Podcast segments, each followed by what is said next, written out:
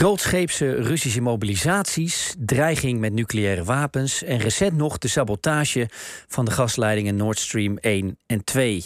De Baltische Staten liggen midden in deze ongekende geopolitieke storm. Voor Letland, met haar grote Russische minderheid, ligt het allemaal extra gevoelig. Zaterdag zijn daar verkiezingen. Vanuit de hoofdstad van Letland, Riga, spreek ik met correspondent Koen Verhelst. Goedemiddag, Koen. Goedemiddag. Um, ja, eerst even beginnen bij die explosies bij de gasleidingen Nord Stream 1 en 2. Zorgen voor veel onrust in Europa. Ook op deze zender veel aandacht voor geweest. Volgens deskundigen zeer waarschijnlijk sabotageacties. Um, hoe wordt daar bij jou in Letland uh, op gereageerd? Ja, er wordt natuurlijk zeker uh, wel met, uh, met behoorlijke zorg naar gekeken. Omdat de drie Baltische landen en dan met name Letland in het midden... toch echt wel aan de frontlinie liggen van, van de NAVO.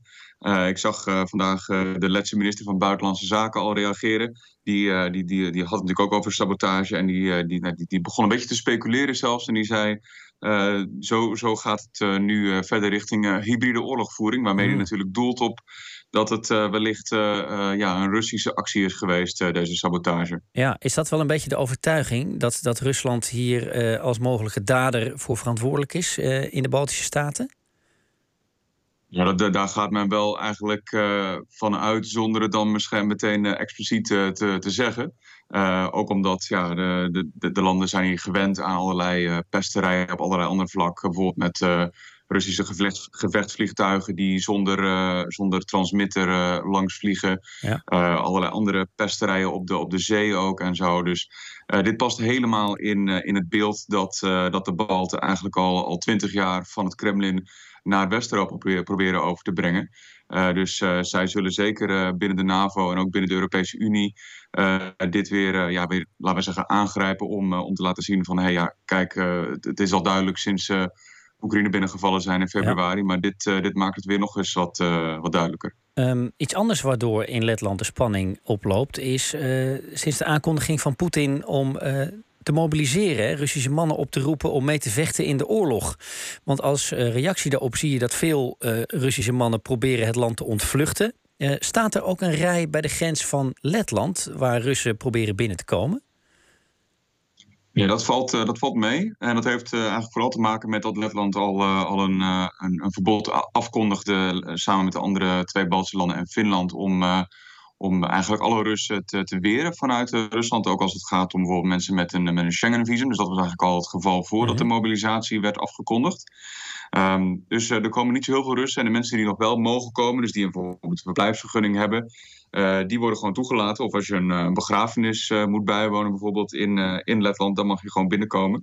maar tot nu toe is er eigenlijk op alle grensposten die nog open zijn, is er geen, geen ongeregeldheden. De, de grenswachten zijn wel extra aan het opletten. En die patrouilleren ook meer langs de grens met Rusland en met Wit-Rusland. Mhm. Want we weten natuurlijk nog allemaal van vorig jaar die taferelen waarbij uh, Rusland en Wit-Rusland allerlei mensen uit Irak en zo importeerden. Om die dan over, over de grens uh, te, te bonjouren in, in de Europese Unie. Dus dat, daar zijn ze nu ook wel een beetje bevreesd voor. Dat dat nu zeg maar, met Russen gaat gebeuren. Dat die zelf eigenlijk die, die illegale route mm. gaan, gaan nemen. Um, toch, als je Letland vergelijkt met, met de buurlanden Estland en Litouwen, uh, stellen ze zich wat minder hard op hè, in, in, de, in deze kwestie richting het tegenhouden van Russen, bijvoorbeeld bij de grens. Kun je uitleggen, ook al laten ze dus weliswaar niet door, maar waarom zijn ze iets minder, slaan ze iets minder stevig op de trom dan Estland en Litouwen? Dat heeft ten eerste te maken met dat er dus inderdaad verkiezingen aankomen op zaterdag. Uh, en dat er uh, een, een, een, behoorlijke minderheid is in Letland die Russisch spreekt, dan wel zelfs Russisch staatsburger is. dus dat, dat heeft daar alles mee te maken. En het heeft ook wel een beetje met de, de karakters van de politici te maken, moet ik toegeven. De, zeker de premier van Estland en de minister van Buitenlandse Zaken van Litouwen. Dat zijn echt heel sterke karakters die heel, heel nadrukkelijk die, die aandacht opzoeken om, om, om zeg maar de, ja, echt te zeggen tegen de Russen van... hé, hey, jullie moeten niet van je land ontvluchten... maar jullie moeten Poetin uit het zadel ja. uh, helpen. Dus die zijn daar inderdaad wat... ook omdat ze daar zelf omdat hun familie betrokken is geweest bij de strijd voor de onafhankelijkheid van, van hun landen, zijn ze daar ook persoonlijk meer bij betrokken dan, dan de Letse politici die momenteel aan de macht zijn.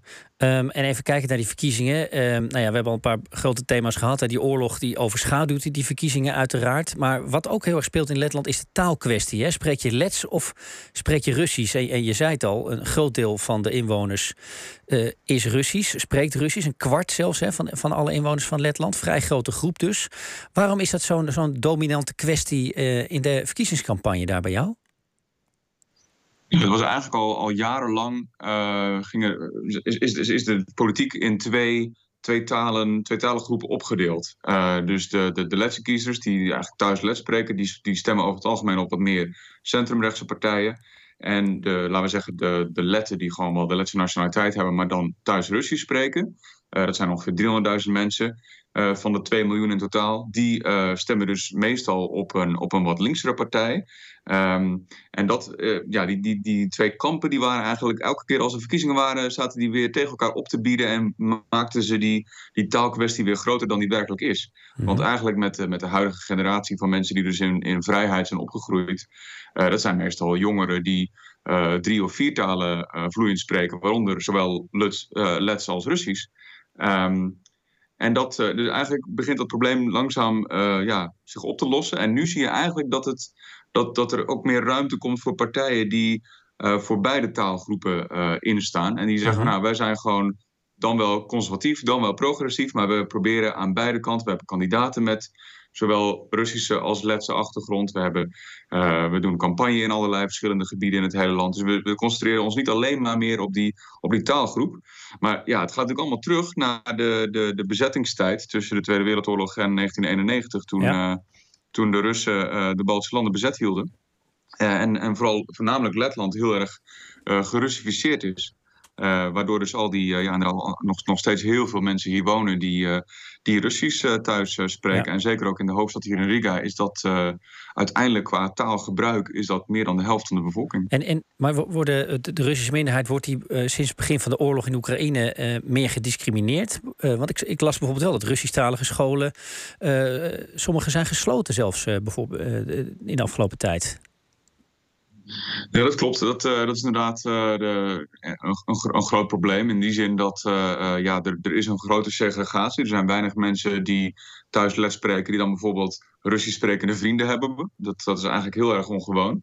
Um, en een idee van de Letse overheid, de enige taal in dit land is namelijk Lets, officieel. Mm-hmm. Is om te zeggen: oké, we stoppen met het onderwijs in het Russisch. Dat was al die, al die tijd was dat nog toegestaan. Uh, maar om die segregatie toch meer te gaan breken en te zorgen dat iedereen ja, fatsoenlijk let, de letse taal bijgebracht kan worden. Want waarom ja. zou je uh, wiskunde leren in het Russisch? Dat hoeft helemaal niet. Uh, dus, dus in die zin was het hard nodig om die, om die lijn te trekken. maar inderdaad, het wordt wel aangegrepen door, door Rusland zelf. maar ook door partijen hier in, in, in, de, in, de, in deze in de, in de Letse samenleving. Om te zeggen van hé, hey, er wordt hier gediscrimineerd. Terwijl we het natuurlijk hebben over een taal van de voormalige uh, overheerser. Dus dat, ja. dat maakt natuurlijk voor de letters zo pijnlijk dat die taal nog zo'n enorme rol speelt in hun, in hun samenleving. Uh, tot slot, welke kant gaat het op bij die verkiezingen? Wie, wie zien we aan de macht uh, in Letland? Welke, en wat, wat zal dat betekenen bijvoorbeeld dus voor, voor de, al die inwoners die oorspronkelijk Russisch zijn in Letland? Nou, in, in, elk geval zie ik wel een behoorlijke, laten we zeggen, een fragmentatie van de, van, laten we zeggen, de, de Russisch sprekende stem. Dat was natuurlijk nooit een echt een monolithisch blok, maar dat is nu nog veel minder. Een heel groot deel van hen die heeft zoiets van: oké, ik wil niks meer met het Kremlin te maken hebben, zeker niet na, na februari. Dus ik ga sowieso op een, op een meer. Uh, op een middenpartij stemmen. Aan de andere kant zijn er dus mensen die echt helemaal in die, uh, ja, in die mediasfeer van het Kremlin zitten. Die, uh, sommige mensen die kijken alleen maar Russische televisie hier.